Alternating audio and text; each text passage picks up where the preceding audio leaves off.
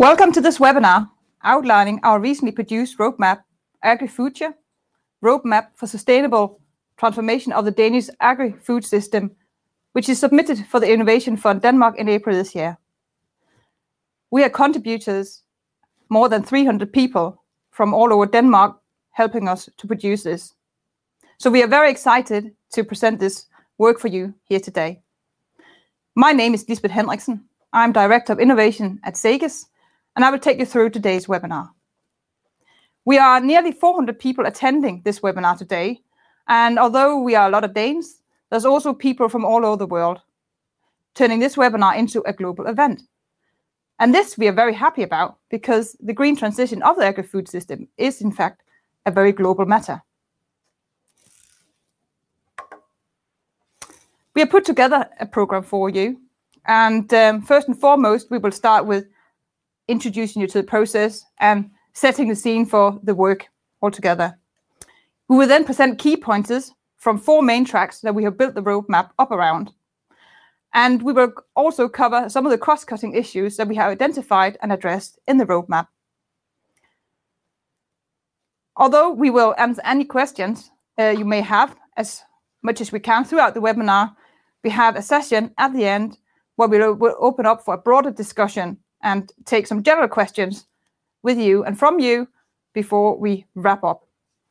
We are aiming at a short break around about 11:00 A.M.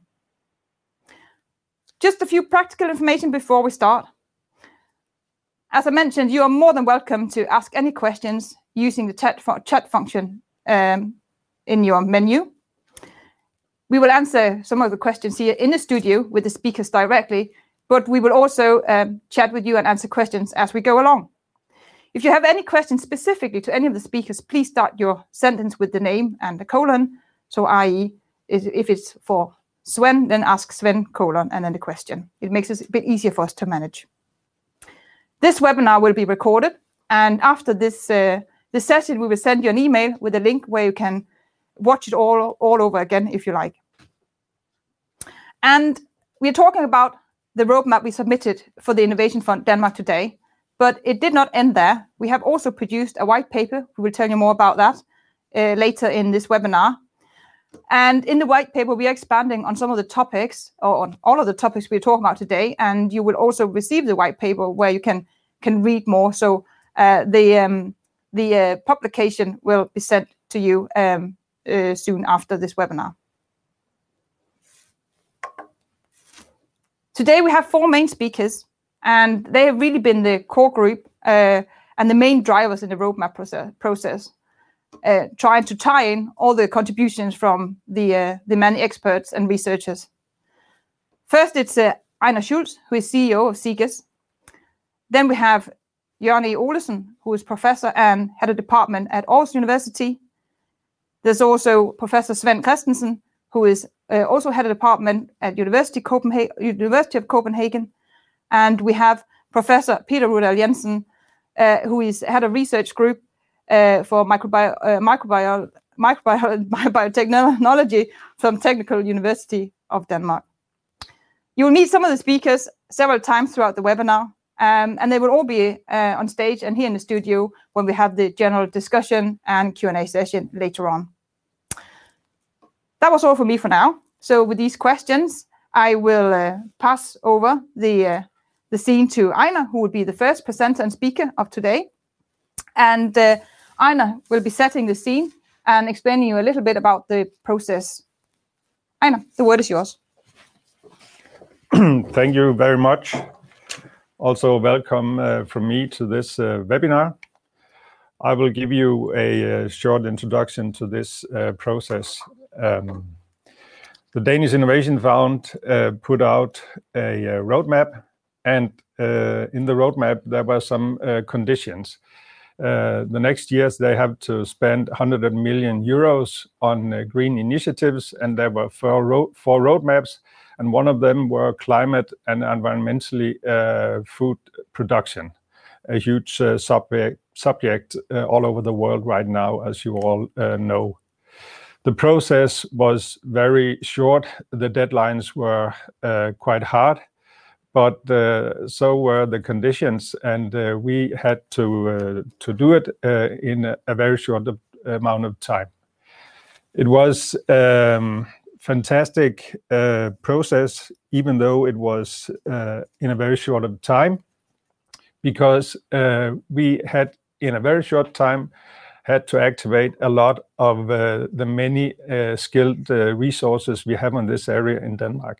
We have worked uh, with sustainability for 25 years. We have a large uh, production in Denmark. We are a huge exporter of uh, food to the whole world, and we have a huge animal production. So of course, all the challenges meeting the agricultural production we have in Denmark. So, when we ask all the skilled people on all the universities in Denmark, they were immediately uh, ready to to give all their ideas and their input, uh, and that was uh, really a very positive process. I can only recommend it to other people want to contribute to this transition of the food system that we all need. So mainly universities and knowledge institutions uh, that helped us, and we also had a steering committee where the uh, uh, organizations also participated. Now, the roadmap had some conditions that it should deliver, and that was mainly on very ambitious sustainability objectives. So the easy uh, way was to say, "Let's cut down the production," but that will not help the planet. The issues here, they are globally. We uh, took from the start a global uh, thinking on this. Denmark cannot save the climate only when Denmark are reducing its greenhouse gases, but we can we can produce technology or best practices or new knowledge that can be used all over the planet. So there was a lot of uh, environmental uh, conditions that we had to deliver on. We also had to see if there was uh, jobs in this, and we also said that we're looking forward to 2050, food demand will increase by 45%, and Denmark has to maintain its place in this system. So we are not just asking other countries to deliver more food. So we took a global uh, perspective uh, on this, and of course, we also had to to deliver on biodiversity, so we can reverse the decline of pollinators and loss of biodiversity, and of course, uh, also the endangered species. Looking shortly on the many environmental goals that were presented in the roadmap, it was, of course, uh, 70% reduction of greenhouse gas emission by 2030, and carbon neutrality 2050. We have to reduce the methane and nitrous oxide gas emissions from the livestock production, and we have to reduce the nitrous uh, oxide gases from the agricultural soils. And we have a lot of uh, peatlands in Denmark. We also have to stop the leaching or the Uh, CO2 emissions from from those uh, areas uh, by rewetting them. We also had to reduce ammonia by 24%, and we had to also to deliver on all these goals, we have to really become a world leading in circular economy because that's a part of the solution. There was also mentioned that we have to uh, deliver on the Green Deal from EU. That has not been concluded yet. That's just a vision, but it also was a part of what we had to deliver. And uh, as you might know, there is, for example, a 30% uh, target in protected areas in Europe, and a reduction of 50% of pesticides. And last but not least, we had to also reduce uh, the nitrogen uh, leaching for the water environment further. We have already cut it in half in Denmark, but uh, the goals and targets are even that we have to go even lower. So, that was, of course, the roadmap is dominated by these environmental goals that we had to reach. As you all know, uh, the food uh, system is very complex. Uh, we have a figure here. I will not go into detail with it, but it is very complex. How to deal with such a complex issue, where everything is sort of connected.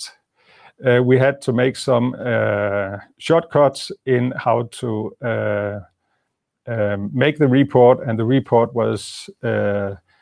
had only to uh, had a limit on 30 pages, and that is why we are now producing a more background in a new report, and you will get access to this report uh, during the next uh, week.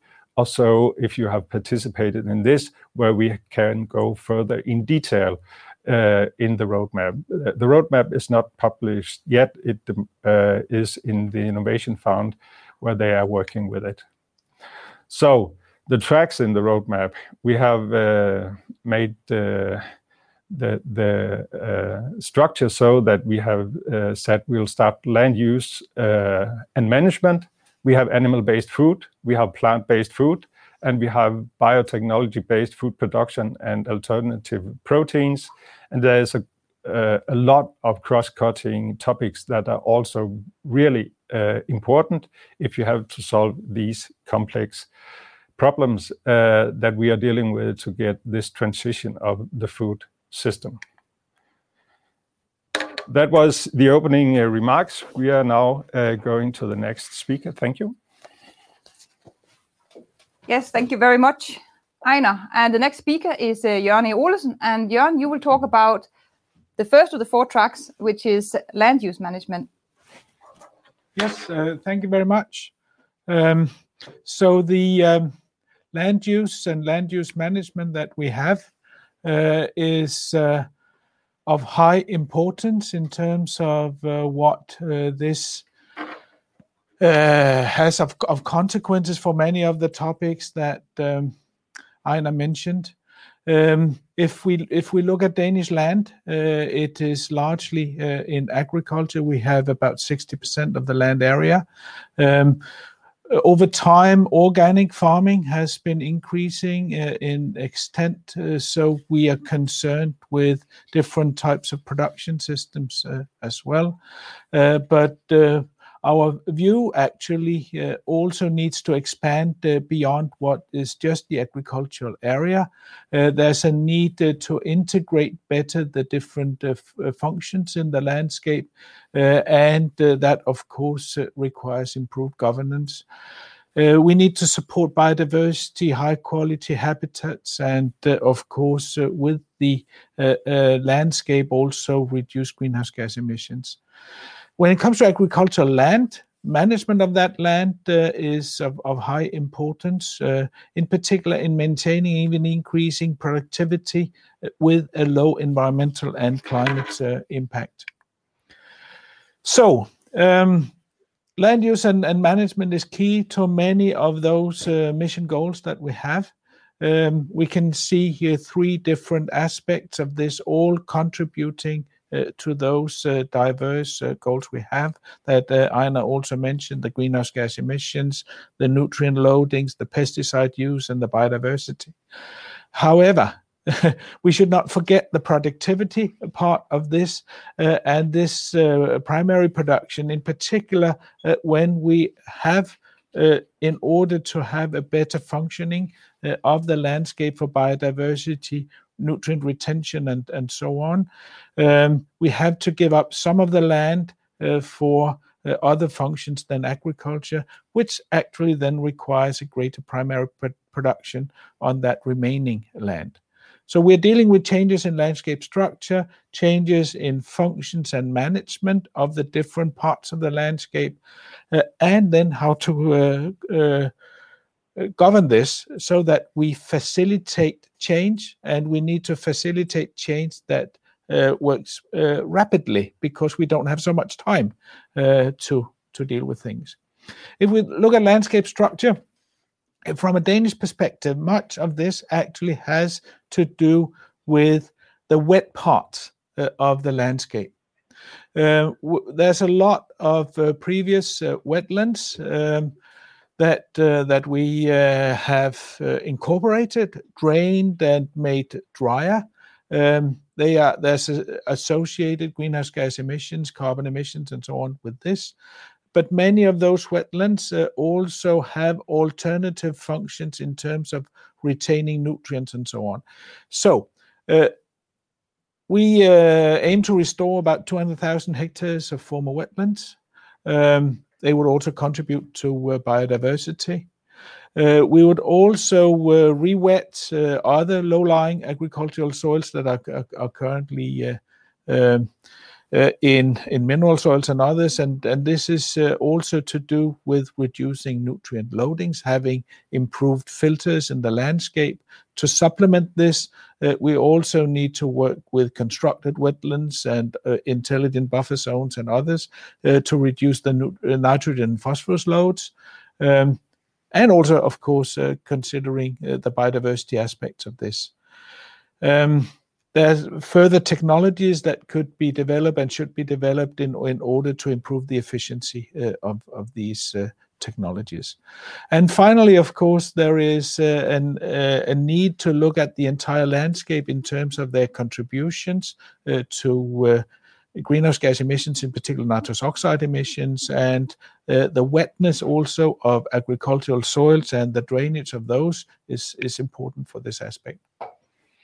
When we look at the agricultural land and developing cropping systems, and that's for both organic and conventional farming uh, systems, um, it's of great importance in terms of uh, dealing with those reduced climate impacts, as well as having cropping systems that are less reliant on pesticides that retain and recycle better nutrients. So there are many aspects of this, which involves both arable, forage, and perennial uh, cropping systems.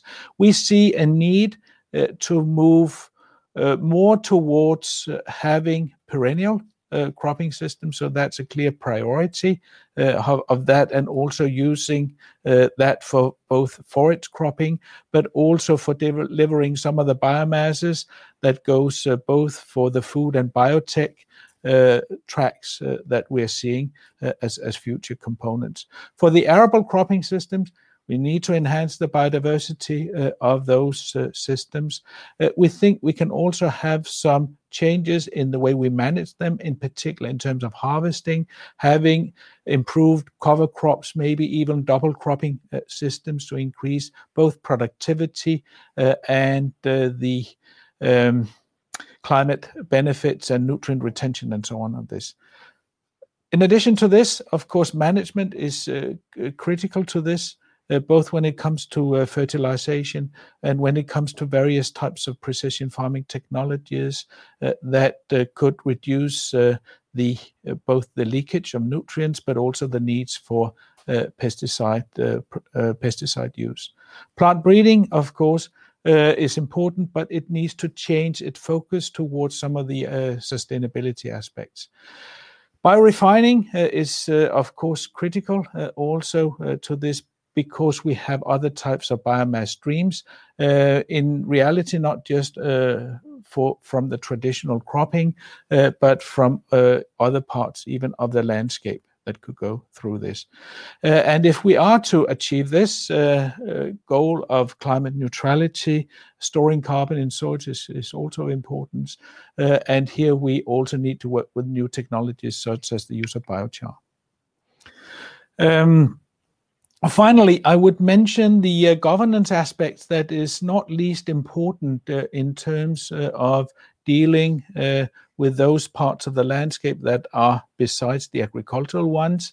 Uh, so that goes into the forestry, agroforestry uh, systems as well. To do this, we need better tools and services and so on to document the effects that we have. Um, And uh, these are the various other aspects, uh, of course, uh, besides the production aspects of our landscape. So, for instance, the greenhouse gas emissions, the production of good quality drinking water, it's the loadings of nutrients to aquatic environment, and it's the biodiversity that we have. Um, and when it comes to biodiversity, there is this uh, issue of land sparing versus land uh, sharing. In reality, we need to work with both aspects in terms of how they contribute to the different uh, biodiversity conservation that we have. So, both in terms of that land set aside for nature, but also working with biodiversity aspects on our agricultural land. Uh, to facilitate much of this transition that is needed uh, in uh, in both land use and management, we need um, we need better tools also to work with those actors that and stakeholders in in the landscape. Um, that, of course, requires systems where you can evaluate the progress of things, but we also need new, Uh, more speedy uh, concepts for advising, counseling, and so on uh, in terms of both land distribution and creating value for the different and novel uses of the landscape. And here also, um, the use of sensor-based systems, remote sensing, um, IT support uh, becomes a real critical issue in order to speed up transition. And of course, uh, this needs involvement uh, at all um, with all actors and not least at the municipality level so that we move beyond just the principal actors such as farmers, but involving the community at whole. Thank you very much. I think that was my contributions. Thank you, Jan. Now, our participants are still very quiet on the chat. Uh, so um, you haven't had any sort of really challenging question from there, but I have one for you mm-hmm. before we move on. Now, there's obviously a huge range of of various initiatives and focus mm-hmm. areas here. If you were to prioritize, where should we start? Uh, where's the most urgent need for for research and where's the most urgent need for demonstration implementation? Just a few examples on that if you can. Well, I I think uh, we we need to work both on uh, on on the land uh, on the land use. And with the land use, we have a particular need for focus on the wet parts uh, of the landscape, the restoring uh, of uh, our wetlands, um, which you might think is an easy thing. In reality, it is not because it does involve many different actors and stakeholders. So we need to develop better procedures in order to speed up that uh, transition process by which we can actually manage and take out some of those uh, lands for for the rewetting and also evaluating all of the beneficial side effects that we might might have there. Um, When it comes to the other uh, urgent needs, I think if uh, if if we were in in particular uh, with the greenhouse gas emissions, we need to move forward much faster in terms of developing fertilization technologies that would lower our nitrous oxide emissions. But at the same time, also developing uh, in in particular some of the perennial cropping systems because if we don't start developing them now, we won't have them implemented in sufficient time. Thank you very much, Jørn. Um, I can see we have a question uh, in the chat. And by the way, I can see uh, that people are using the emoji icons with the clapping hands. I think they are liking your question, liking your answer to the question.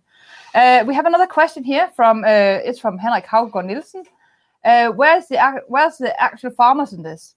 Uh, front-runner farmers' uh, solutions to stimulate research and infrastructure with with real-life real life context.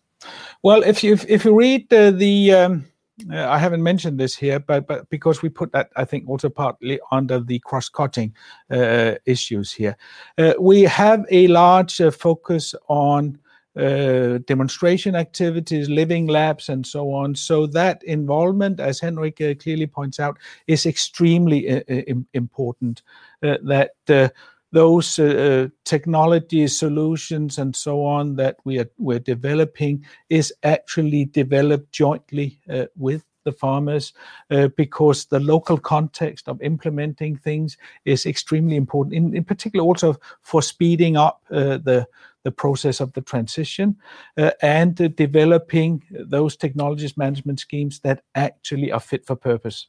And this living lab terminology sort of appears in the Innovation Fund Denmark. It also appears in in EU context, and it is really all about trying to bring stakeholders together from various parts, as you mentioned here, Jørn, as an example, but it also um, applies in in other uh, areas of research. Yeah, it's actually uh, it's actually a co-creation uh, process uh, where all of the actors, including farmers or whoever we have that, that are involved, and if we take the landscape, it's more than actually the farmers, it's also other users of the landscape. Um, so we can have living labs at many sort of different scales. Typically, I think we would think of it in in terms of the farms, but it's not only the farms, uh, because if if we look at also some of the new industries and so on that would need to be developed here, it would be, need to be done uh, at another scale than just the farmers. So we can also have living labs at the landscape scale or community scale or cooperative scale, I think. We have a question from Erik Fogh. Um, he asked. Uh, he'd like to ask you where you see uh, um, organic farming systems in in the transition. Organic farming, I think, uh, is also part of the transition and even a transition that involves the transition of the organic farming. We can, we can, we can. I think what we actually need to do here is also start discussing whether some of those uh, principles we have in organic farming uh, should be challenged a bit. Uh, I think when when we look at this transition here for the organic farming, the circularity aspects of things become extremely important. And what we can see is that with some of the regulations we have, in some cases, we have a bit of barriers in in terms of what we can do and what we cannot do. So I think there is with the organic farming, which I which I see has a a critical role here also, a need to also see which technologies we need to implement and how that relates also uh, with the uh, uh, regulations and so on we have around that brand. Thank you, Jørn. I think I'll have to stop you now. Um, although I can see several questions coming in, we'll save them for later, and as many of them as possible, we'll try and answer directly uh, in in the chat as well. Um, thank you very much, and we will move on. Uh, I can actually see in the chat that there's a question uh, on animal welfare, and that's quite convenient because we are now moving on to the animal-based food production, Ejnar. Um, let's hear what you have to say first, and then we can maybe address that question afterwards. Yes. Thank you. Um, as I said earlier, Denmark has a very large uh, production uh, of animal products. We export uh, in our dairy sector 80% of our production in the swine sector. I think the export is almost 90%. So Denmark has a large animal production, and we have uh, a track on this. We, of course, know that uh, there's a huge discussion of uh, the animal-based food production in the future because the issues with the climate, but also the issues with that it takes a lot of land. Um, but um, all analysis says that the demand will rise, and we don't believe that politicians all over the globe will um, put on regulation that people cannot buy animal products. So we have uh, decided in this that we have to develop uh, this sector. That is not the same as we are saying that this should uh, continue the same way that we do in the Western world. We know, of course, that we have to make uh, changes in uh, how we uh, eat, especially in some part of the world. But in this track, we have said that we have to develop the sector, and we are now here in our figure of the whole complex of food production. We had the vision in this sub-track to develop and implement activities which will ensure a production of the most climate efficient animal-based food productions in the world to accommodate and meet a growing worldwide uh, demand for animal-based proteins and foods. Um, if we do that, uh, there will still be uh, animal products in our diets, but of course, the diets will change dramatically, I think, because there will be a lot uh, of change going on, uh, shifting to a more plant-based uh, diet. We cannot say climate and animal production without talking about enteric methane. The cow is a fantastic animal, turning fibers into high-value products. But if we can't get rid of the big methane, Uh, it uh, will be a great challenge to the future for the industry.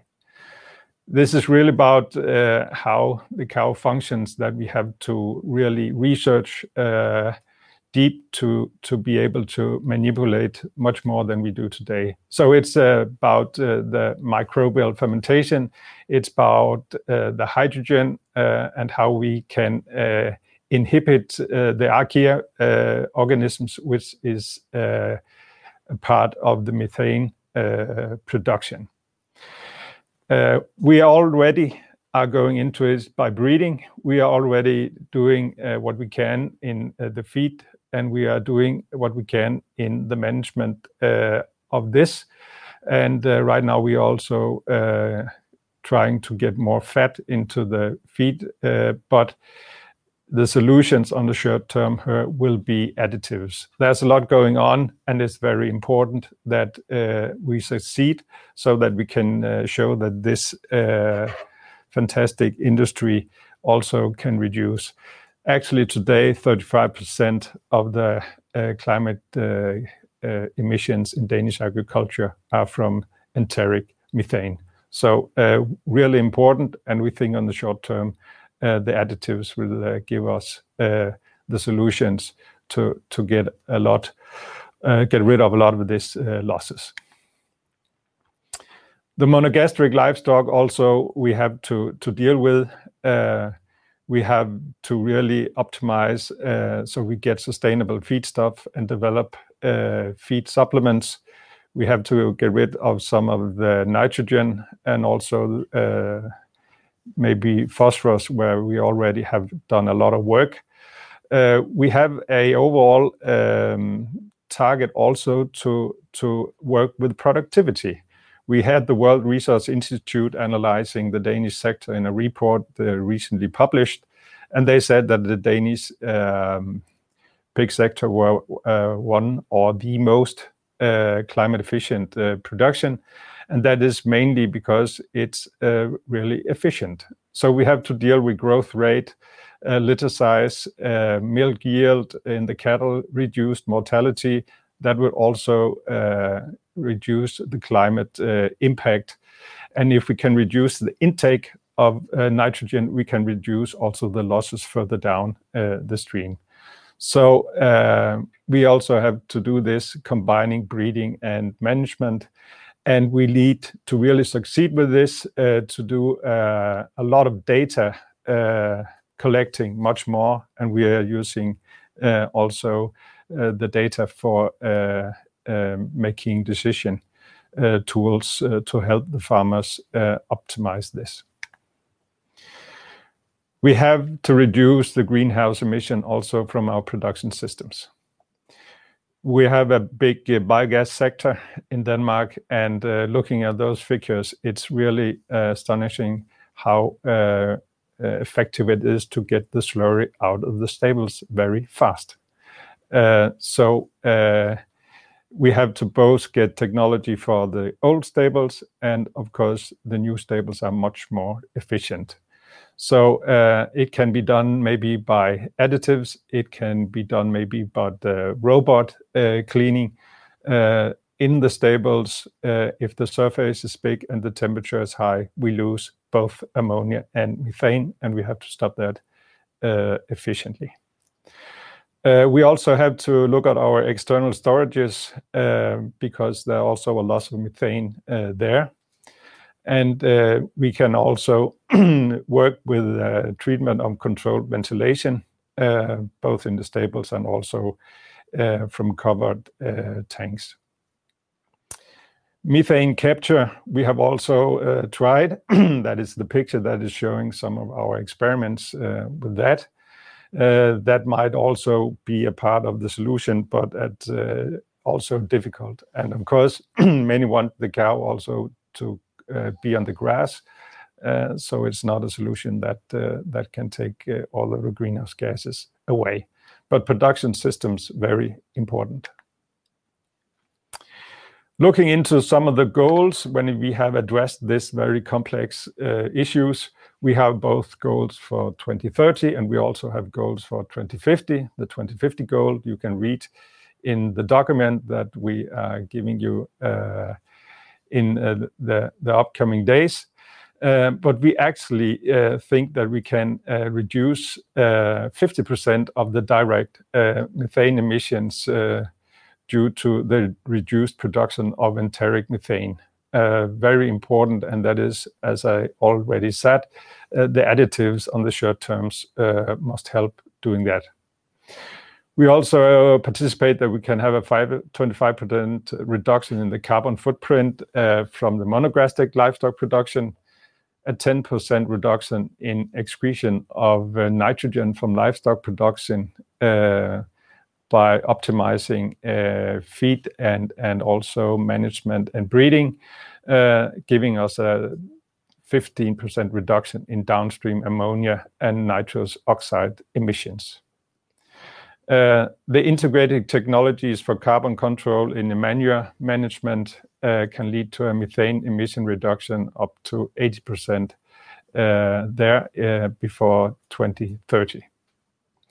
And The climate impact of more resource-efficient production and less waste in dairy production is estimated to be approximately 24% and in 2040.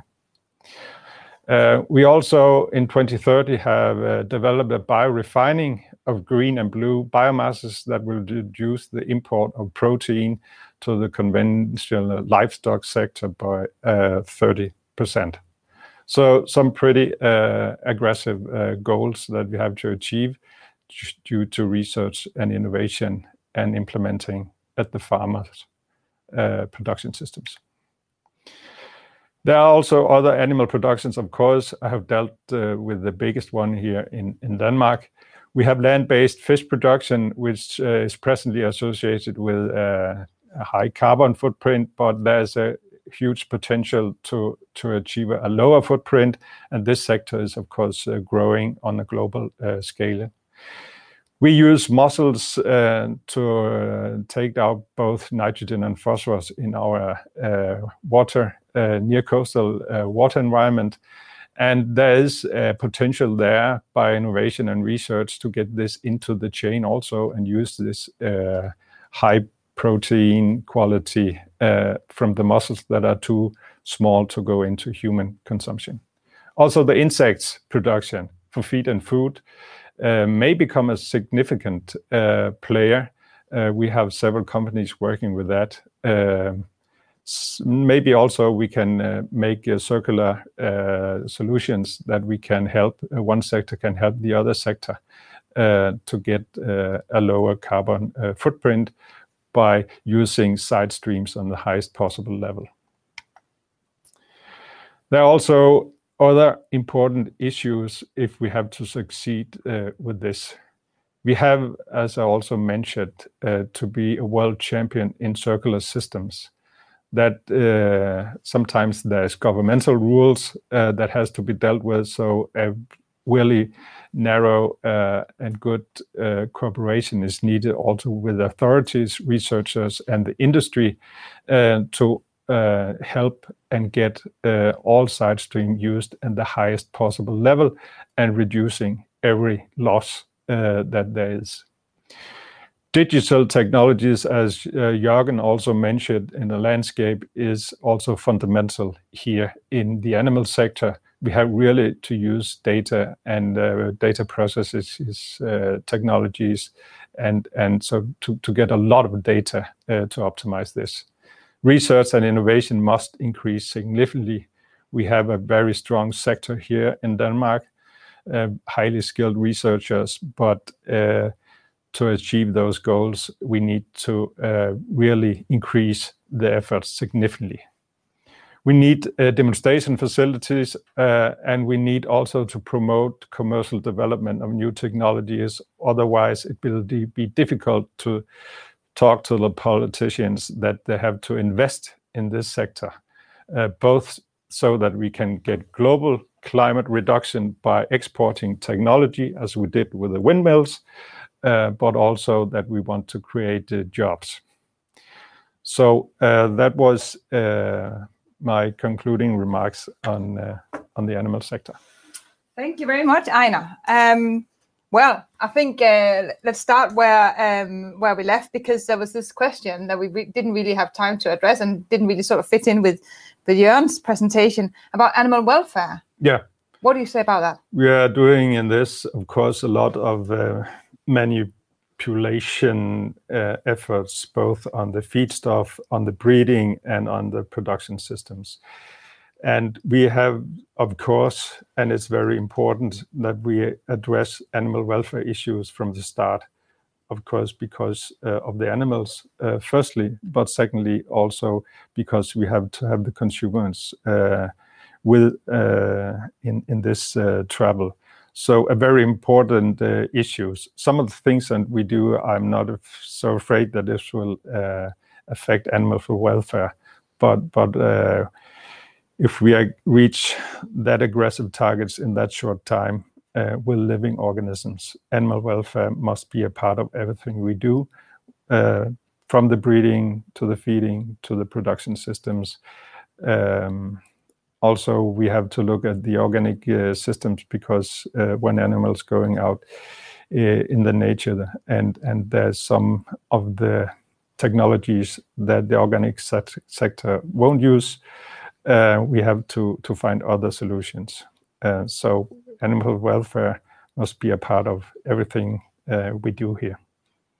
Thank you, Ejnar. Time is running. and There's a question on uh, on on the microbiome and its role in in in all our work, and you can read more about that in the white paper we publish um, later. And um, I think I'll have to thank you for now. And. Um, we we need to move on, and it's quite convenient. Michael Minthe has asked in the chat, where we see um, this uh, plant-based food um, as a part of the green transition. And uh, how lucky, Svend, you are here because this is exactly what you're going to talk about in a minute.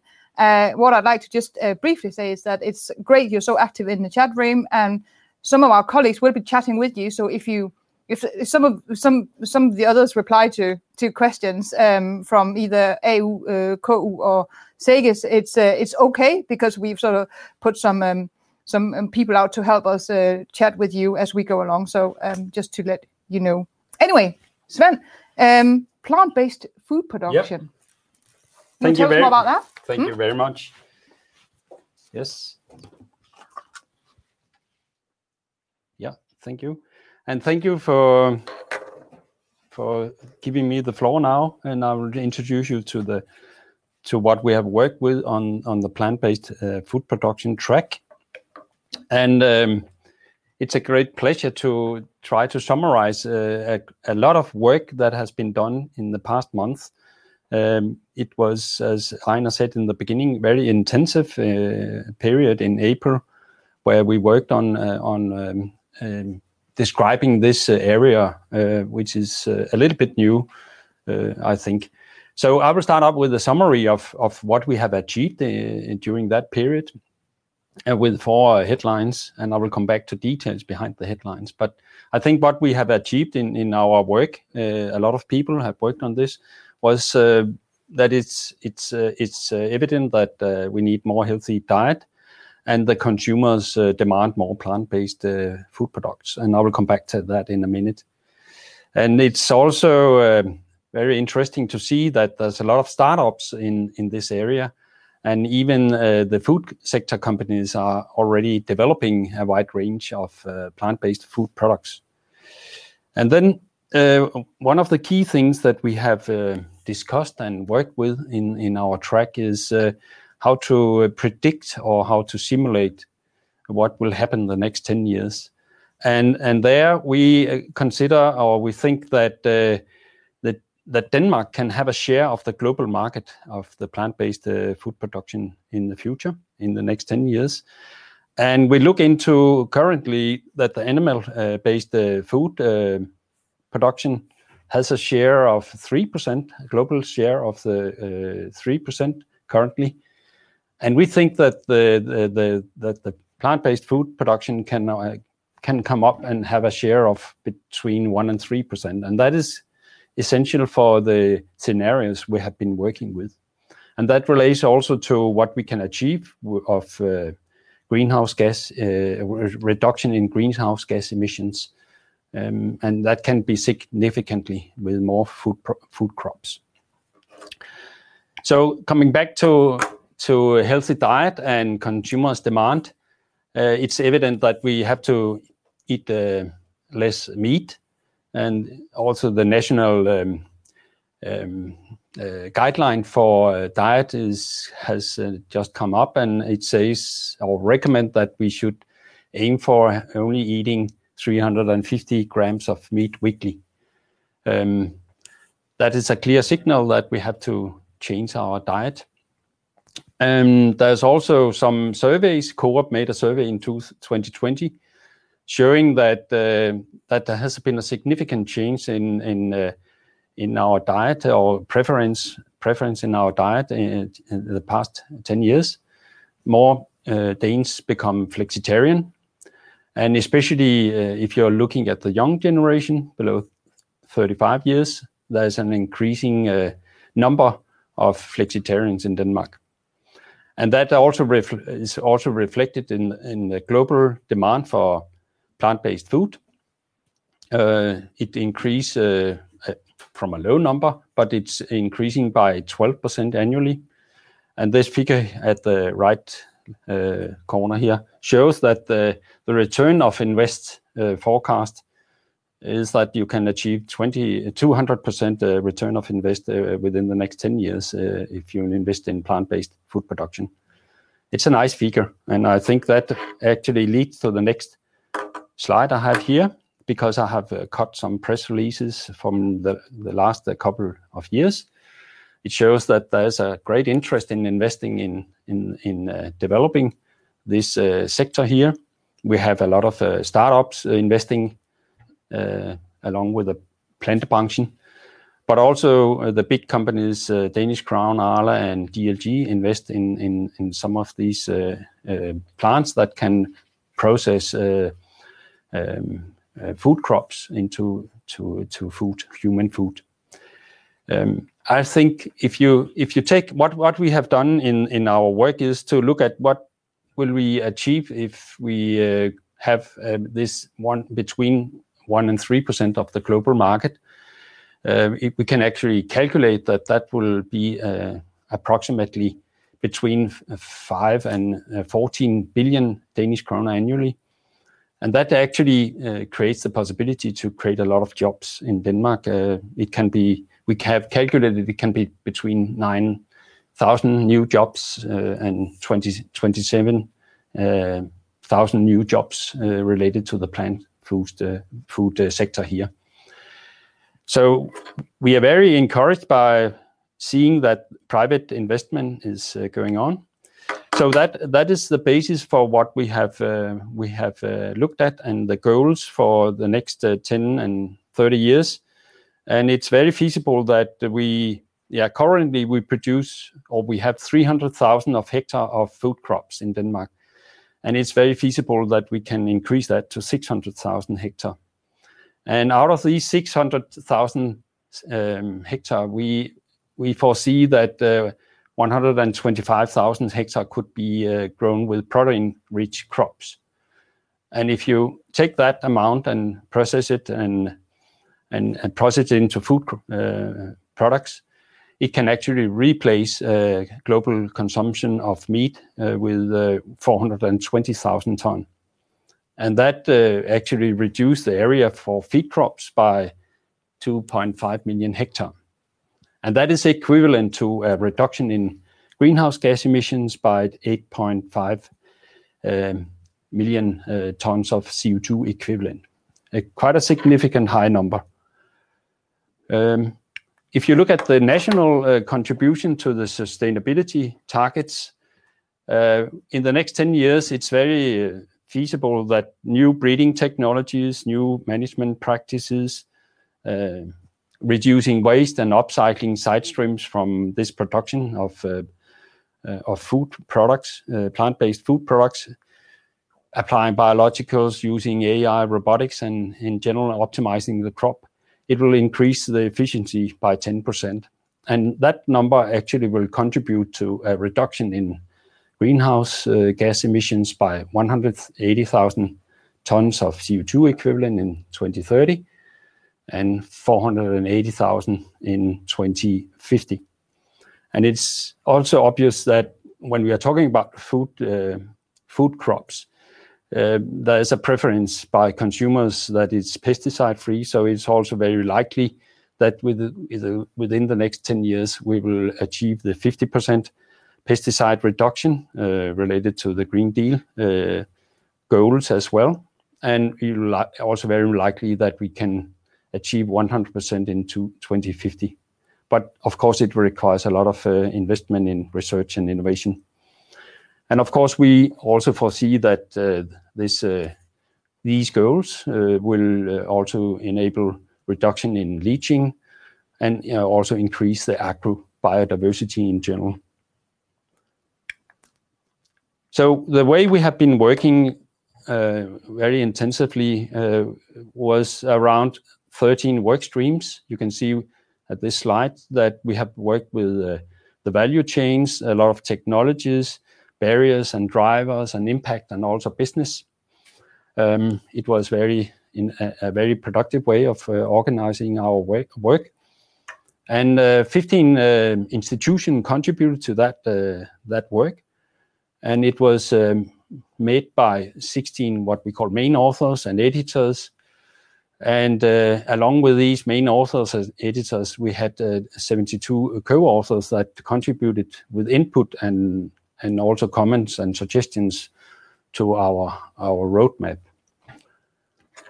So what happened now is that we will continue uh, We will continue developing a partnership within this area. And we are actually planning a workshop in August, the 17th of August at Nyborg Strand, where we invite all stakeholders to join us and develop a national partnership within this area. We have uh, already discussed some uh, common goals for 2030, uh, along with the climate uh, goals and environmental goals. And we have also identified some main food product categories within the plant-based value chain. We are, and I think that's a little bit important here at the end of my talk to present that we think that we have to work within three chains: uh, the whole and minimal processed plant-based uh, food chain, a chain where there's a processed and uh, prepared plant-based food, and there's the hybrid meat and plant-based food. That is the three tracks or main food products that we will follow in the coming years. So thank you for having the opportunity to present our work. Thank you very much, Svend. Um, uh, you guys are really great in in the chat room because you're also talking uh, to each other now uh, on on various topics, which is great to see. But some have asked questions directly to you, Svend, or I definitely think that you can you can answer them. There's one here um, from um, about restoration of soil and uh, producing crops uh, for plant-based uh, food. What do you say about that? How do we combine those two things? The combination of restoration of soils and and, and the plant-based food? Yeah, or the crops for the plant-based food. Yeah. Okay. Yeah, that's that's a good question, how to to cope with the environmental goals along with increasing the efficiency of the crop. I think that we will will be aligned with what Jørgen has presented, that there's some vulnerable soils that we have to take care of. And then uh, the rest of the soils can be used for more what the crops that we have to to produce for plant-based or for food or for feed. So I think that we, in the future have to take some land out for restoring the soils and then use the rest for production. There's been a few comments on on this whole um, value chain um, issue and how we're going to work uh, with that. And I guess that's uh, one of the things that the partnership is going to look into. But can you mm. say a little bit more about about how you're going to address those challenges? I think there's a, compared to the animal-based uh, food production system, we this area is a quite new area. It sounds weird, but it is. There's a lot of Um, holes or gaps in in the chains. So what we will, how we will work, as I showed at the last figure, is we will use the three main uh, food-based products, and then we will try to identify where's the gaps are, and then um, hopefully get some funding to do research and innovation within these gaps together with the partners. So that that is our goal. Yeah. Just before I'll I'll uh, I'll leave you off the hook, there's one here from um, from Nina Müller, which I think is quite interesting, really. And maybe some of you guys out there have uh, have an opinion about that as well. But um, it's uh, it's basically about how we how we manage the combination of of having uh, animal uh, production or livestock production and feed for that and and plant-based food production. Uh, uh, uh, how do we see there's two two quite sort of um, large tracks here that are in some ways conflicting? Or what do you say about that, Svend I I think we agree in our track that animal is not excluded from our track. I think animal has a role to play when we when we make when we have our systems. So they digest some of the difficult stuff. So I will not say that we have to, we will exclude animals. But of course, we have the big track, uh, animal-based, that will be developed, as Ejnar has described, in the coming years and hopefully solve some of the issues uh, related to the climate impact. But I can also foresee that we will also need animals in the food-based uh, food production system. Thank you very much. And please do continue to um, ask or comment in the chat room. Um, I'll um, say thank you very much to you, Svend. Um, we'll have a short break now until uh, 11:05 A.M. You have the opportunity to top up your coffee or put the kettle on and have a have a have a little break from from this webinar. Thank you very much uh, for now. I'll see you at 11:05 A.M.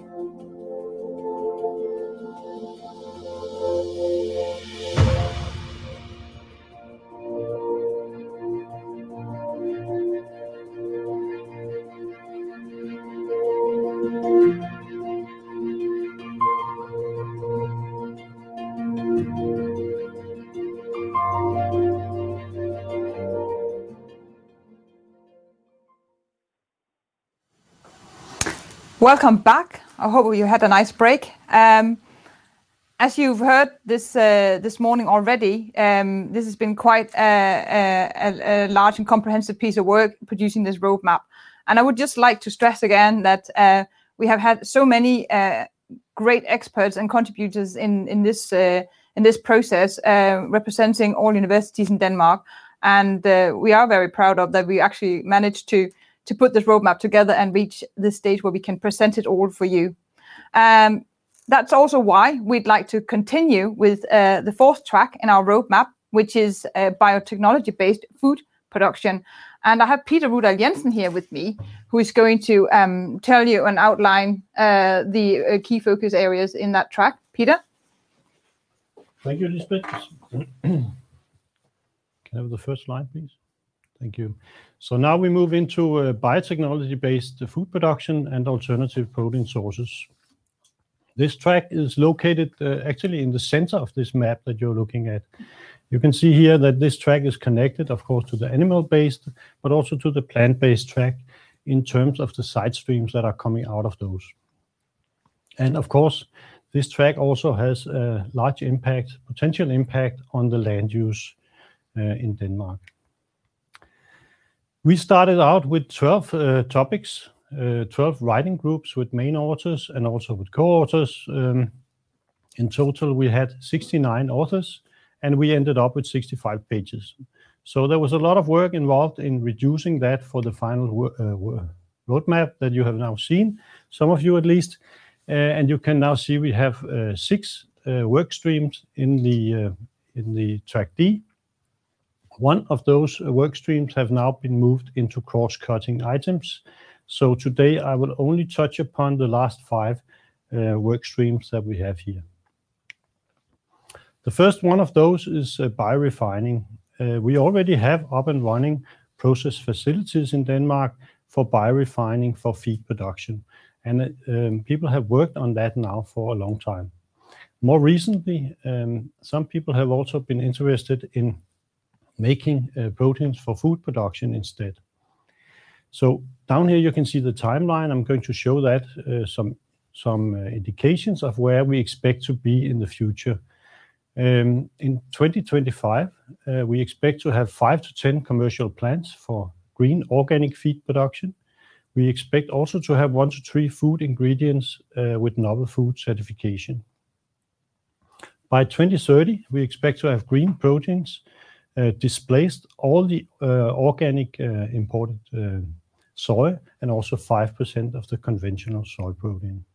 And at that time, we would expect to have around 10 food ingredients launched to the market. In um, 2050, we expect that green protein will be the main plant protein um, in Denmark, and we also expect that Danish know-how will now be involved in green protein production worldwide. The next work stream is uh, cellular agriculture. Uh, here we have uh, microbial fermentation or precision fermentation of high quality protein, and also on the other side, we also have cell-based meat production, cell-based milk, and so on. Um, some of you would say this is far down the line, but actually, if you look here, you can see that there are already products on the market. In Singapore, you can go to a restaurant, you can eat cell-based chicken. Uh, we have Perfect Day, we have a lot of other companies which are already bringing um, products to the market using these technologies. Um, the major problem we have in this field is actually uh, to bring down the cost. So we need to have improved yields, we need to improve recovery, we need to look at protein functionality. So by 2025, uh, we expect to have improved on all those parameters. In 2030, we expect to have Danish uh, production of cell-based meat and also precision-based uh, production of milk and cheese. And we will also have the necessary approvals for those products. And then if we look further down the line, there's some discussion on how fast this will happen. But at some point, uh, at least in Denmark, we will have full-scale production of cell-based products, both precision fermentation-based and also cell-based meat. Some people say this will happen already in 2030. I kind of doubt it. I think it's a little bit further down the line, but it's definitely going to happen, I think. The next work stream is microbiome engineering. Uh, this can be used for a lot of sustainable solutions for both food and feed in agriculture, in aquaculture, in bioprocesses. It can be used for reducing the waste and the greenhouse gas emissions uh, to make greener production technologies. By 2025, we expect to have biologics for disease protection in soil, piglets, and aquaculture. In 2030, uh, there would be the first microbiome-based uh, processing plant that is converting feed uh, waste into ingredients. And further down the line, developing all these tools, it will be possible to engineer microbiomes and implement them within the week. Then side streams uh, is also a work stream. Um, there's a lot of side streams out there already that can be upgraded, and uh, we can create value-added products uh, either using microbial fermentation, enzyme processing, but of course also separation and fractionation technologies. In 2025, we expect to have mapped all these side streams that are available. In Denmark, we also expect to have already microbes that can be used for upgrading these side streams. Further down the line in 2030, we expect to have new feed and food products that are generated directly from waste. We will have 5-10 new functional ingredients. We will also understand the functionality of these ingredients, and we will have developed the next generation of enzymes. And of course, we also need to understand the consumer behavior. Um, and then if we look towards 2050, we actually expect to have a full circular food and agri industry in Denmark. All side streams are being reused. Um, the last work stream is alternative protein sources for feed and uh, food. These can come from single-cell uh, uh, protein that is made by microbes or by microalgae.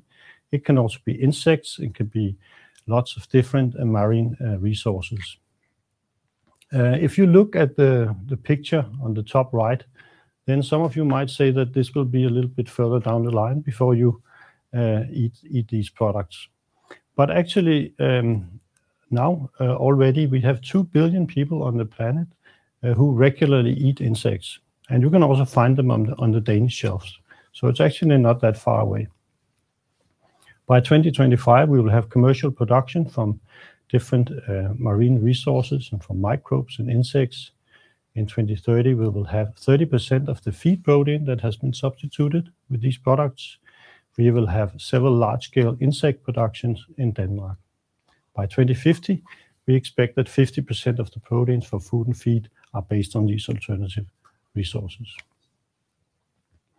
And finally, a few words about the impact that we expect from this track. Towards 2030, we expect that there will be a lot of startups. There are already a lot of them uh, now, but there will be even more. These will be based on the innovative solutions with uh, lower greenhouse gas emissions and land use and so on. Um, we will have increased the sustainability and the competitiveness also of the established Danish food industries.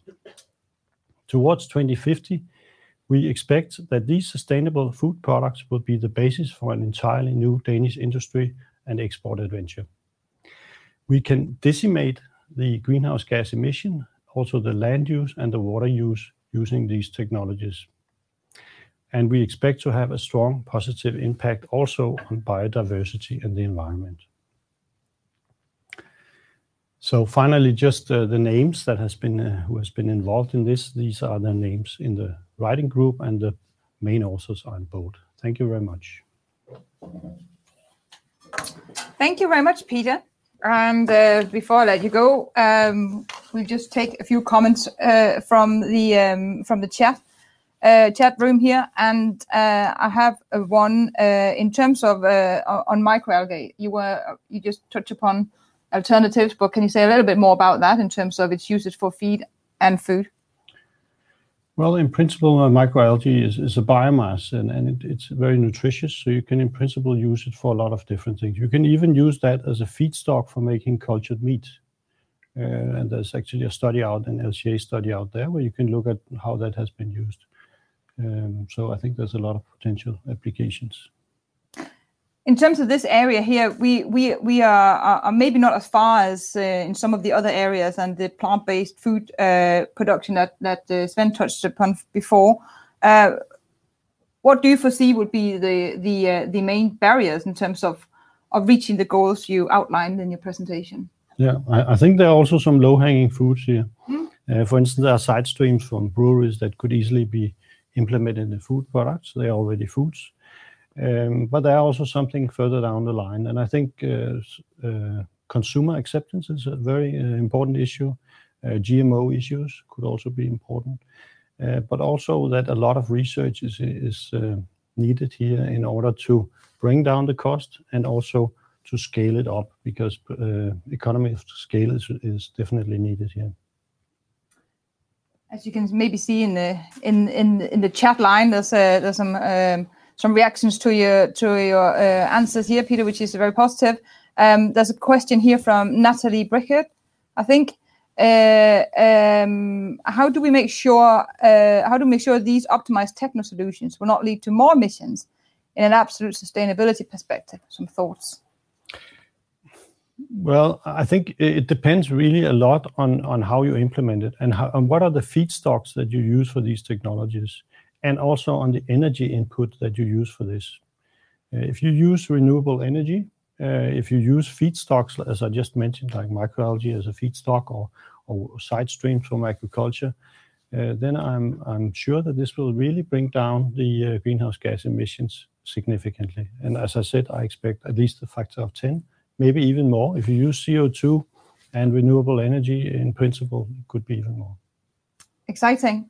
Um, a final question before I let you go: What makes you so optimistic that Danish consumers will eat insects in the future? someone else? Well, part of the optimism comes from that 2 billion people already do this uh, worldwide. So I think it's a matter uh, of habit. It's a matter of getting used to this. Um, but um, but I think also the sustainability factor is really important. I had a graph there. I don't know if you had time to see it, but that graph showed that the climate impact of of insect production is really low. And I think that is driving uh, at least a a lot of young people, but also um, people in general uh, with respect to their habits. Yes, because we foresee a generation of of uh, of of people with different kind of values and Uh, priorities in terms of uh, choosing food products, which is quite interesting and is driving some of these um, these movements we we talk about here today. Definitely. And and when I ask the students uh, if they would eat something that is made with GMO, for instance, they are quite open towards that now. And and that was not the case 10 years ago. So a lot is happening there. Yeah. Thank you very much, Peter. You're welcome. And um, you've heard now um, inputs and um, and focus areas from the four main tracks in in our roadmap. And uh, the interesting thing now, Jørgen, is that uh, what will happen when we sum up uh, together the four tracks? Will we actually be able to reach reach our goals? I think there was a comment as well on the animal production side. What can we actually achieve? Is it a net zero emission production, or how are we going to actually um, reach the overall goal when we put all of this together? You'll say a little bit about that? Yes. Could you put up the slides, please? Uh, yeah. So uh, can and will we reach the sustainability uh, targets? And and this is actually a complicated issue. We've elaborated much more on this in the white paper compared to the roadmap that we've submitted for the Innovation Fund. Um, but we have many different things we need to do, both in terms of uh, reducing the uh, environmental impacts and also the greenhouse gas emissions, um, we're uh, improving biodiversity as well. Um, in addition, and that is also what makes this much more complex, we also need to contribute to a food supply for more people, more wealthy people globally. Uh, and the estimate is like 40%-50% uh, more uh, food nutrition by by 2050 here. And of course, there's also the requirement that this all contributes to jobs and welfare, exports, economy, and and so on. I'm going to touch a bit on some of these. We think that we can reach it all, but that all those four tracks we've uh, presented here, they are all important uh, in reaching uh, those goals. Just looking at at at some of the issues here, because it is to some extent different things we need to do with the different with the different goals we have. For instance, if we're looking at the leakages of nutrients to our Uh, aquatic environments, uh, it's of course the source uh, that we have to deal with, the agricultural soils, but it's also the landscape, the retention, the removal of nutrients in the landscape is equally important.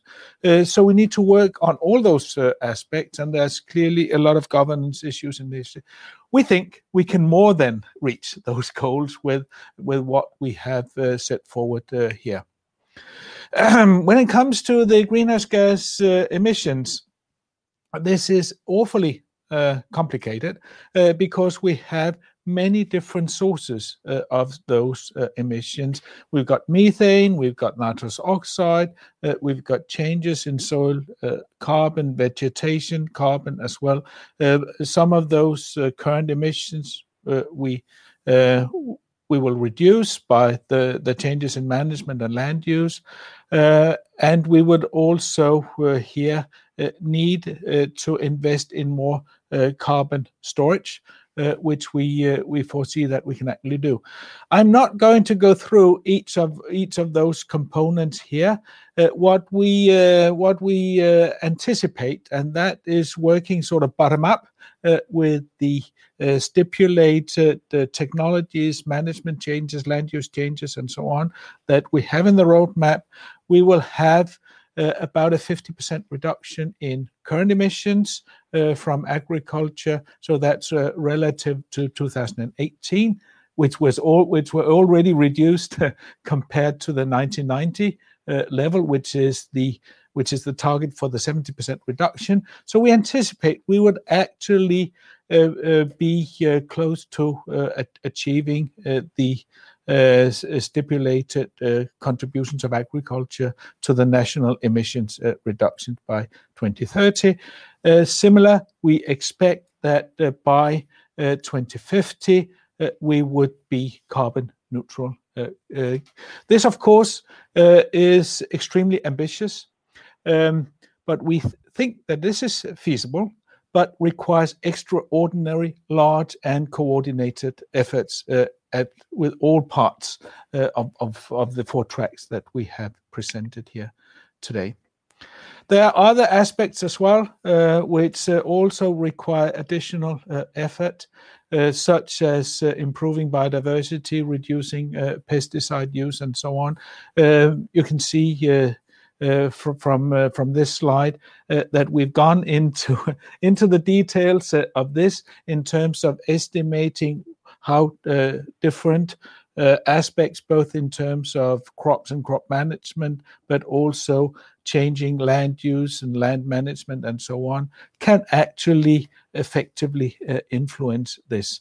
So we're very hopeful that these targets that's been set forward is actually achievable.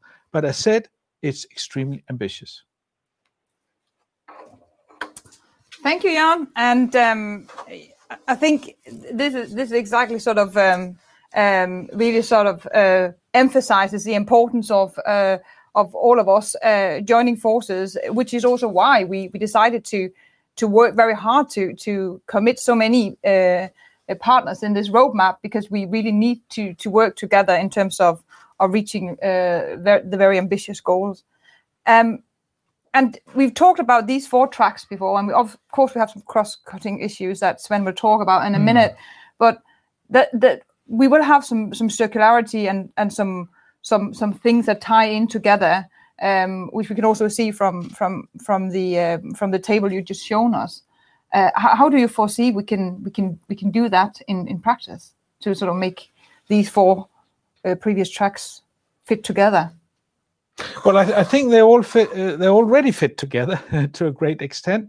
Um, of course, they all align uh, in terms of uh, of the land use and the land management, uh, which where also we need for for the feed production have that circularity. This is actually already the case to a great extent in in existing Danish agriculture, uh, making sure that we have, we use our manures, we recycle uh, nutrients, and so on. But we can do it more efficiently. So uh, and we can also have more efficient crop fodder production and so on that are developed better for for fitting the feeding requirements of the livestock.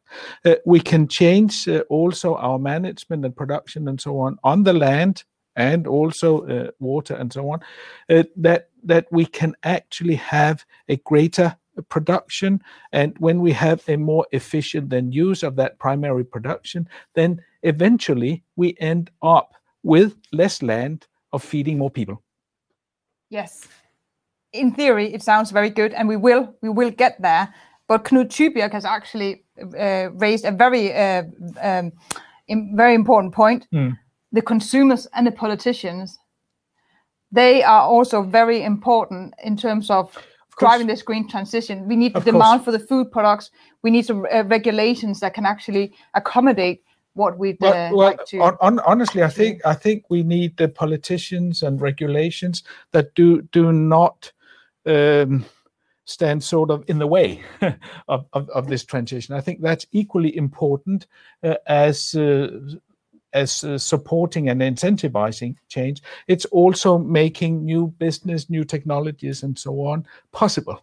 So uh, there's also certainly, I think, from a regulatory perspective, a need for rapid transition and change. What I think from the consumer side, actually, and also from the farmer's perspective, I do see extremely rapid change in attitudes and so on uh, towards this. So I'm not so skeptical about this.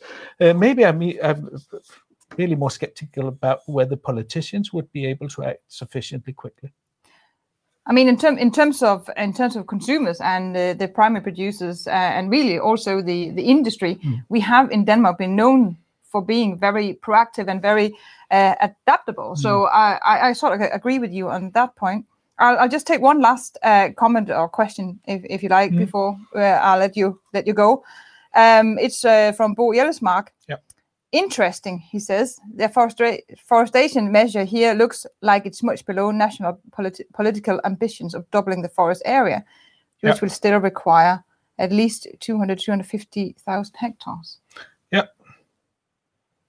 Well, hmm. this is it, it's a good uh, it's a, it's a good point. Um, I think there's uh, room for some flexibility in what we put in here, uh, but if we are still uh, to support a growing uh, glo- global need for foods. We have we have a bit of a compromise in terms of how we use our land. Because we do need that land also to produce the primary biomass for our food and feed. Yeah, absolutely. Well, thank you very much, Jan. Um, I'll um, I'll, I'll uh, let you go for now um, because this sort of like uh, talks into the uh, the the more cross-cutting uh, issues that you will talk about, Svend. And and there's also a, a comment or a question here from from Niels Damsgaard in terms of um, uh, in, in, terms of uh, incentives. Really, it goes on on on the farmers and and whether they will do these things or implement these things voluntarily. And yeah, I think we need to have have a few words on on the, the cross-cutting issues that we are also addressing in this roadmap. Yeah, thank you. And I think uh, we have already, as you said, Lisbeth, uh, Jørgen has also touched upon some of these cross-cutting uh, issues or challenging. So if you could put on the, the slide. Yeah. Uh, so I think I will, I will, the purpose of my presentation here is primarily to to present uh, or make a teaser for for some chapters in our roadmaps and, in, and especially in the white paper that I really encourage people to visit and read because I think this is really important chapters of our our work.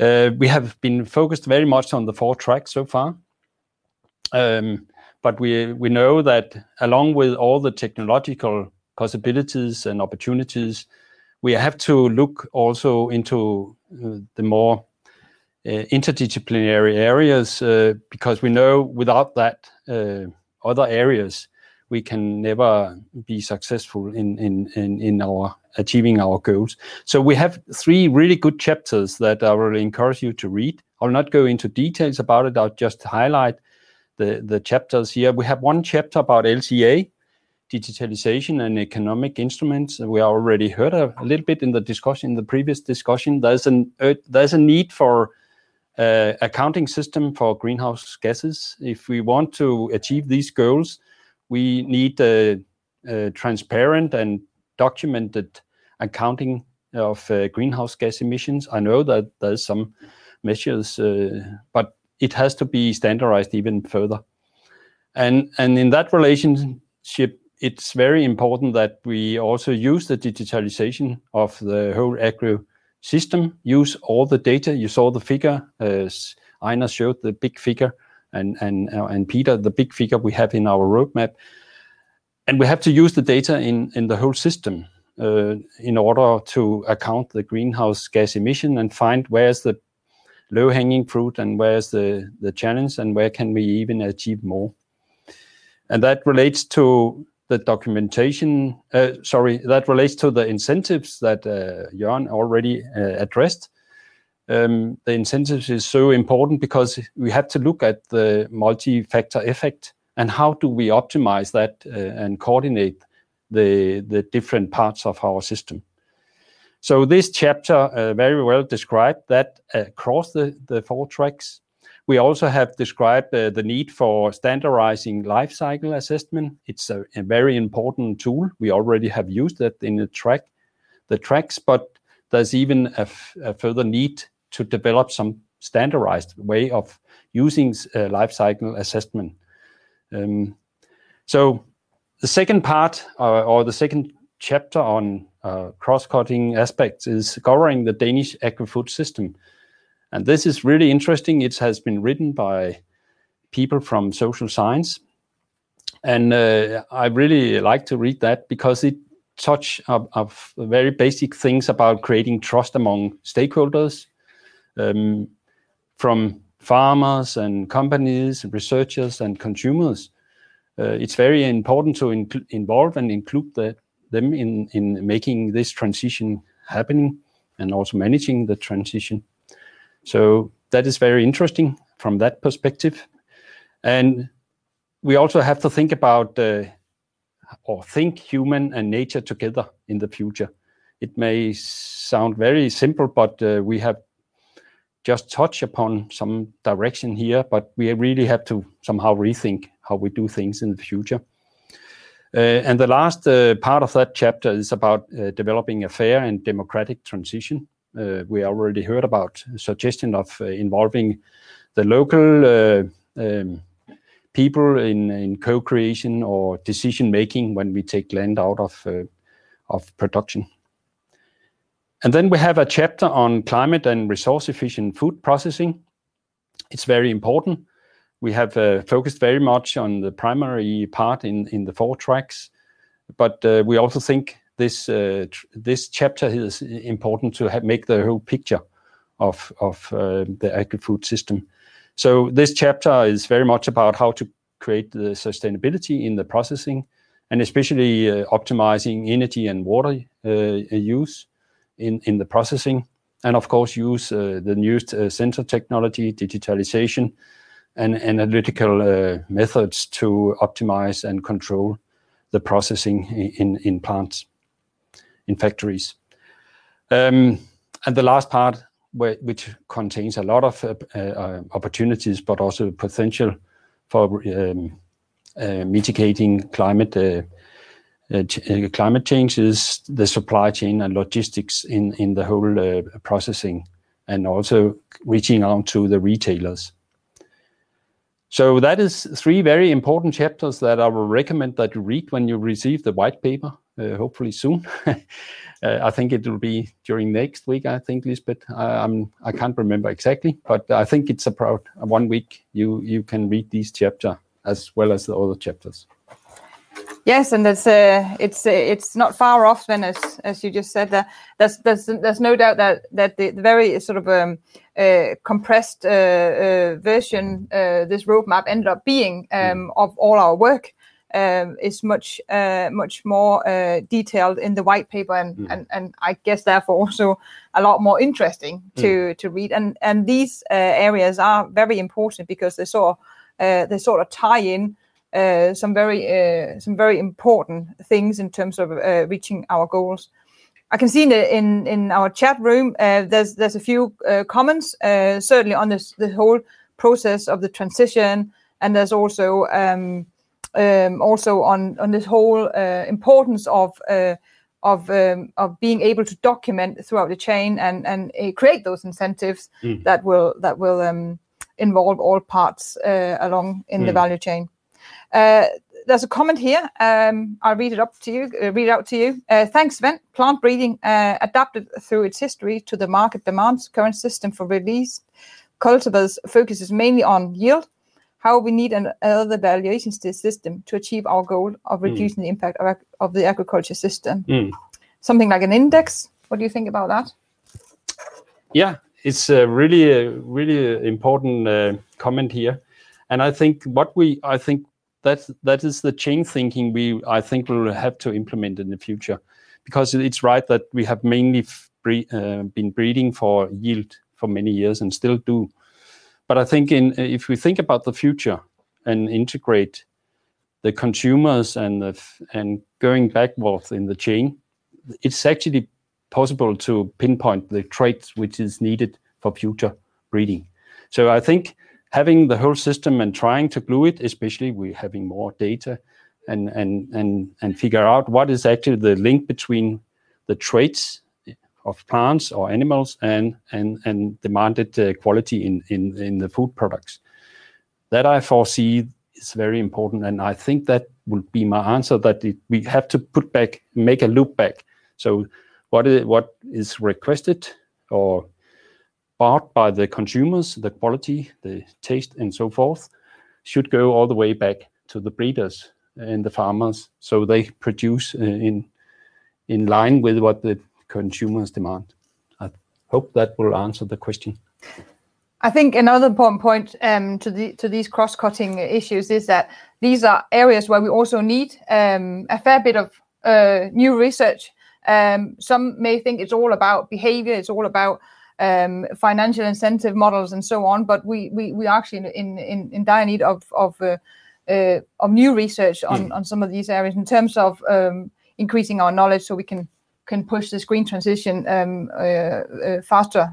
And Can I add a little bit? Yeah. Because I think it's very important that when we go into these cross-cutting aspects, and we think about we are still exporting a lot of products, so it's not only about the Danish consumers and the Danish society, and it's also to understand the the consumers and the culture in other countries. What is the preference for different products in other countries, in Asia or in Europe? I think it ties back- Yeah... that we should have that into our development of our agriculture system in the future. Absolutely, and I totally agree, and um, uh, it it sort of again just shows what a complex uh, complex uh, area this is. Mm. and I think it also, again, so emphasizes that when we produced the roadmap, we had competencies and experts from from um a lot uh a lot of from a lot of fields and a lot of uh, areas, not just the traditional mm. food and farming um, mm. um, areas or topics, if you like. So we've had uh, people from social science and economics and so on in on this as well, um, which is fantastic. But um, what we'll do now is uh, to invite uh, all our four speakers up here, and um, I'll- Oh, Jan is wrapping up. After the panel oh, discussion. Oh. And, uh, because we'd just like to sort of expand on a few of the questions uh, we've received throughout the webinar. So if you'd like to come up here and join me, because I think some of the questions really deserve um, um, an answer from from more than one of you, and they're also sort of quite uh, quite um, quite broad. There's one here that I'd like to address to you. It goes on that the roadmap presented appears or um, seems uh, quite industrial. Um, and um, the person is asking whether we consider ways that are sort of more uh, de-industrialized in terms of more nature-based approaches. What do you say about that?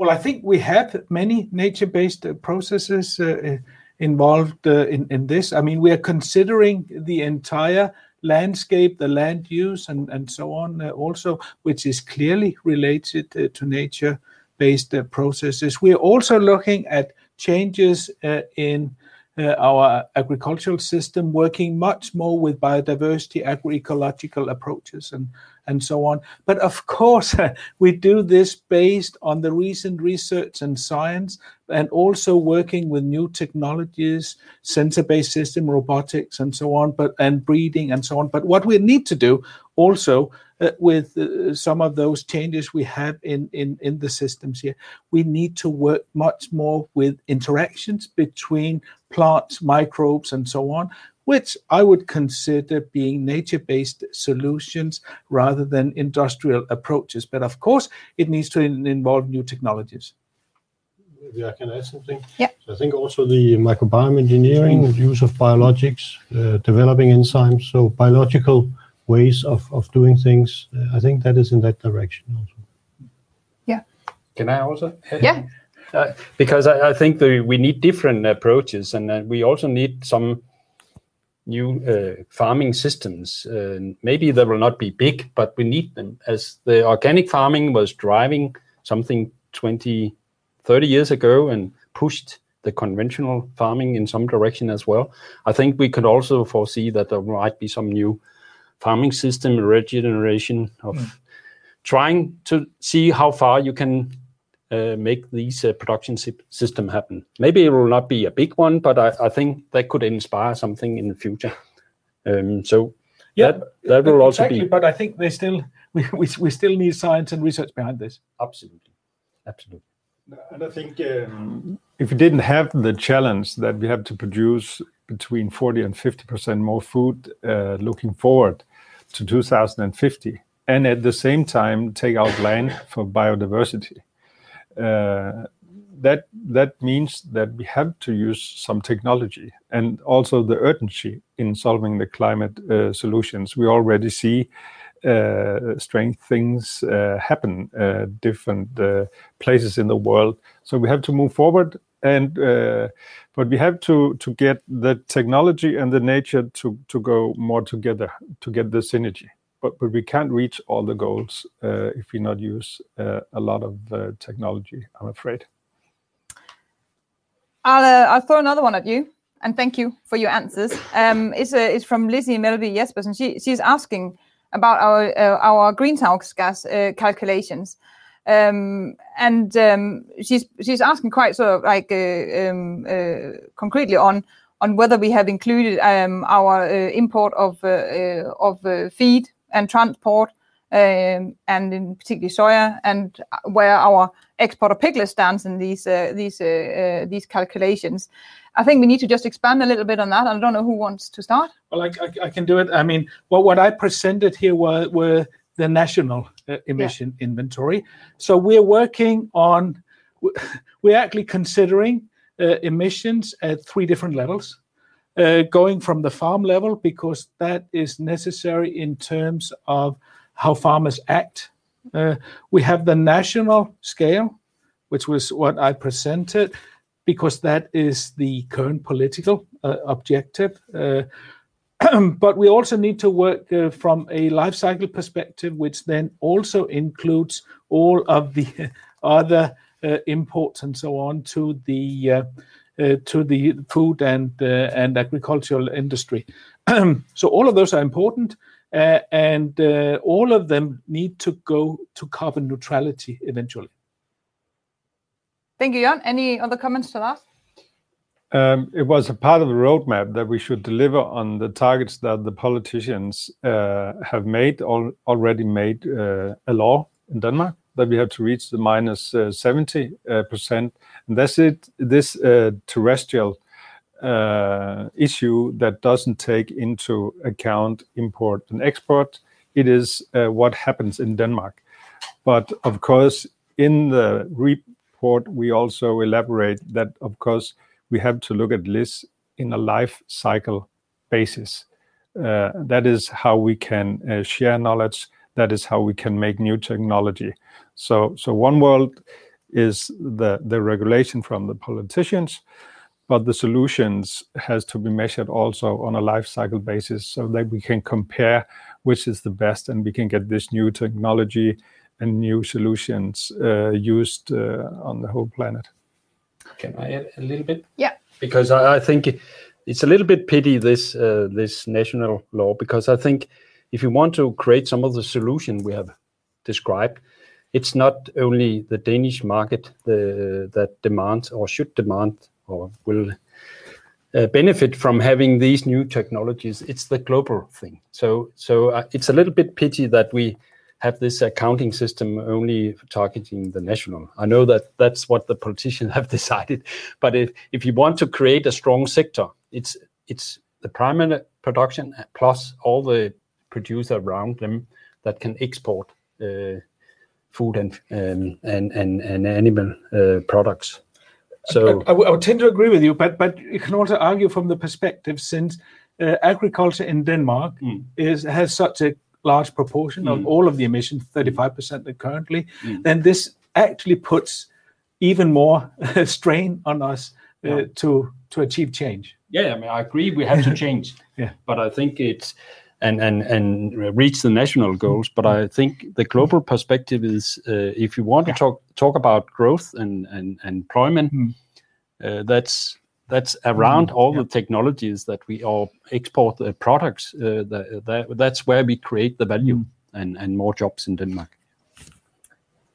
Thanks for that. Um, if any of you have a question or comment, um, please write them in the chat room for us to address.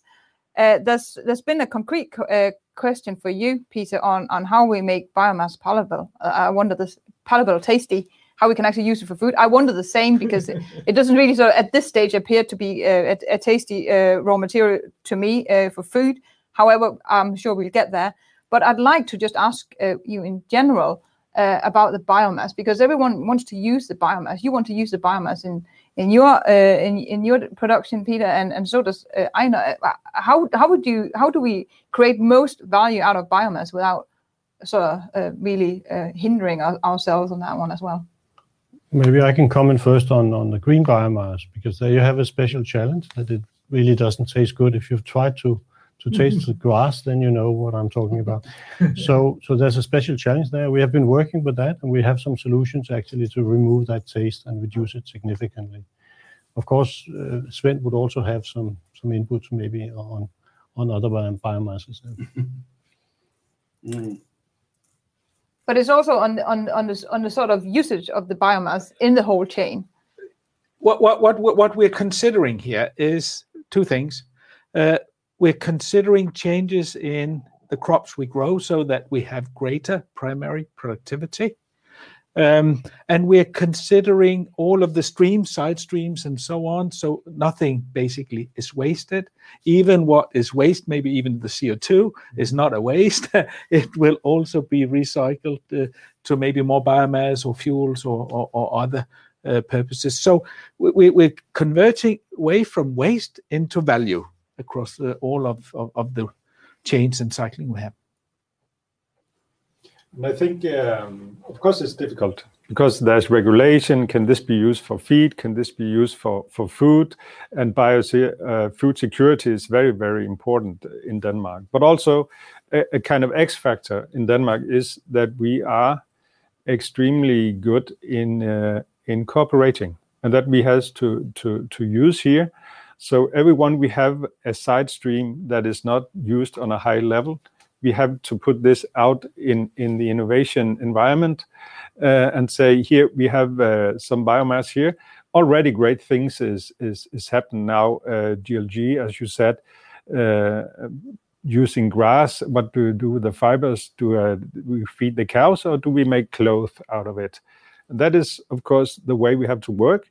Everyone there is a side stream with any kind of value, we have to invite people in to innovate, because that is what Denmark basically do, and we are best. Thanks. I think I'll I'll close that one here because we've just had a comment to all four of you from from Bo Jelsmark. He's he's uh, he's writing, uh, "While ambitions of technological changes are fine, I do not think that this effort of, say, 300 million Danish kroner or plus will push this mm-hmm. development. I am missing a focus on what supporting policy and regulation development is needed to provide the right incentives for industrial investment for farmers, uh, change and risk-taking for consumers. We know that several technologies that can address the challenges are available and not implemented. How will the three slash four work streams account for that?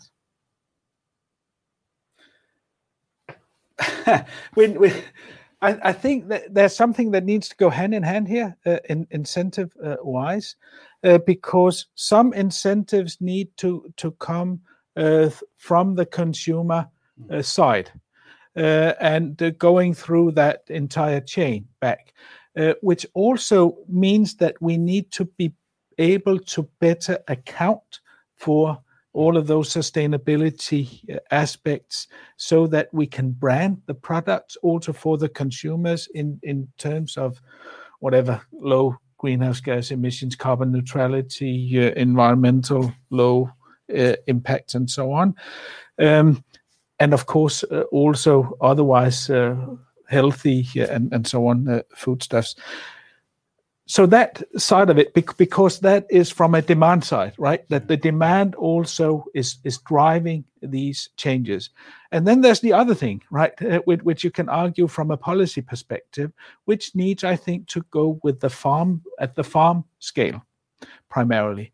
Uh, and and this is also what some of the regulation and policy is uh, looking into. But we need both aspects to it in terms of sufficiently well driving things.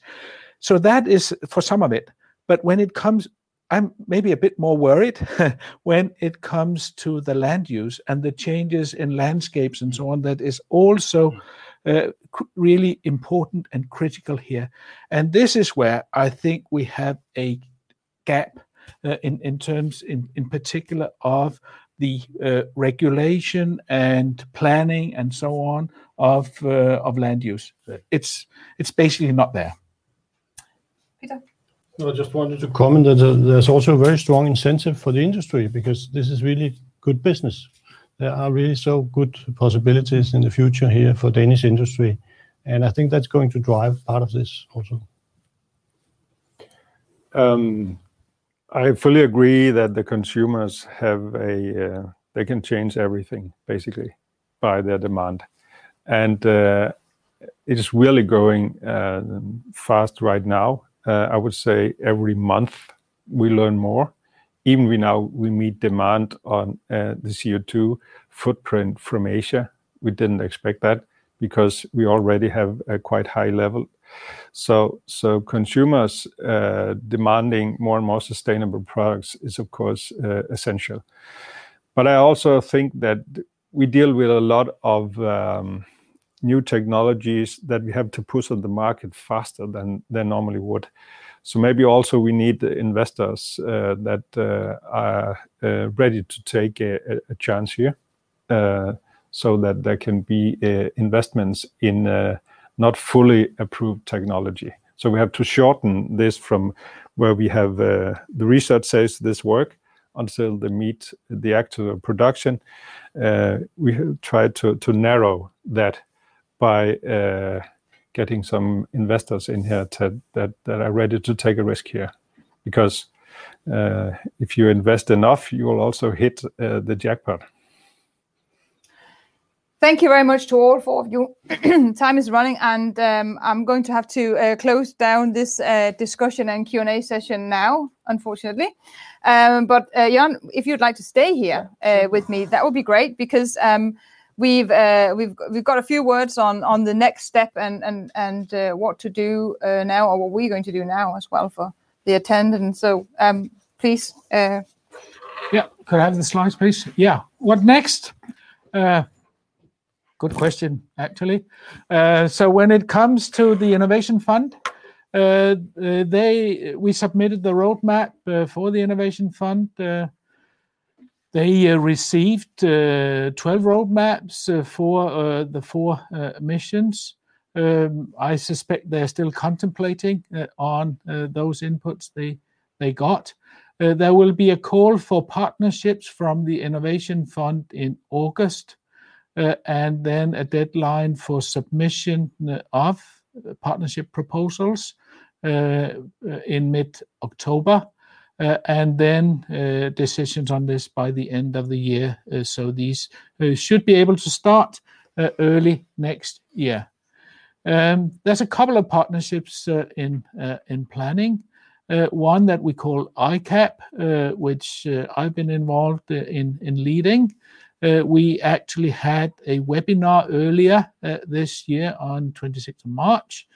Uh, you can find slides available on them. I think we can send a link for that also uh, when we uh, send you all an email with our white paper. And then, as Svend mentioned, for the plant-based foods, there's also something in planning with a meeting in August. So if you're interested, you're, of course, very welcome to contact Svend and I on on those. Um, We're we're not really aware of of any others, but uh, of course, uh, everybody uh, is very welcome to consider um, forming partnerships. And I think the roadmap we presented, the white paper we have, and so on, will provide you with a good basis for this.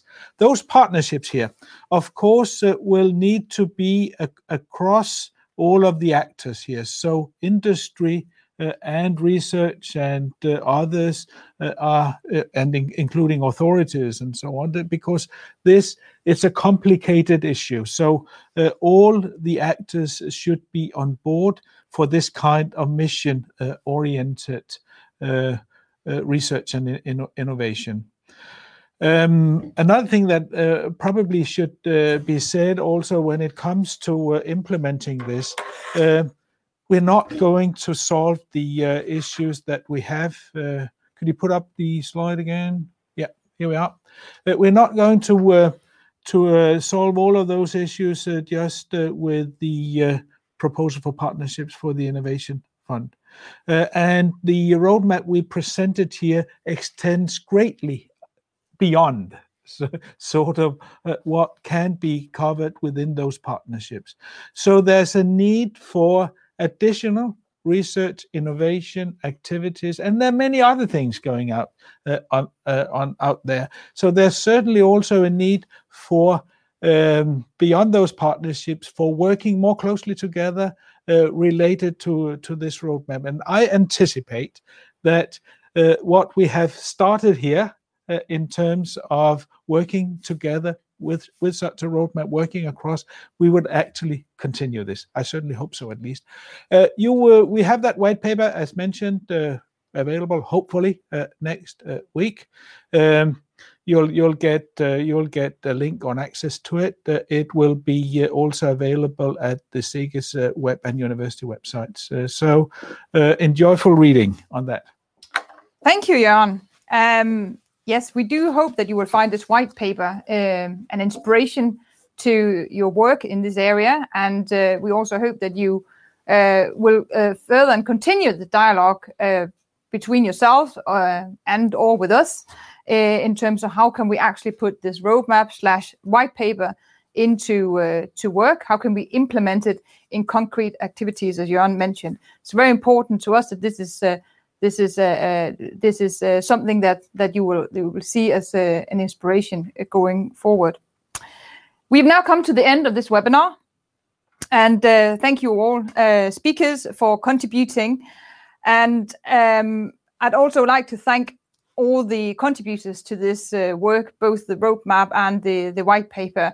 As we've said uh, several times by now, we've had uh, nearly 300 people contributing, uh, representing a, a, huge range of universities uh, and other uh, companies and organizations. we think it's it's amazing that we got to this stage and we we managed to produce this.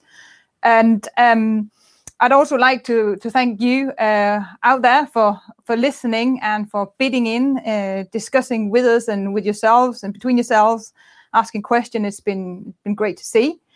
And um, apart from the core group, uh, who you met today, the, the four presenters, there's also, also been a rather large administration group around the core group, um, uh, making sure that we we manage to um, uh, to to um, to reach our our personal goal in terms of producing a roadmap in time uh, for submission to the innovation fund and also uh, producing the white paper. And I'd like to thank them as well because we couldn't have done that uh, without all the efforts and resources from that group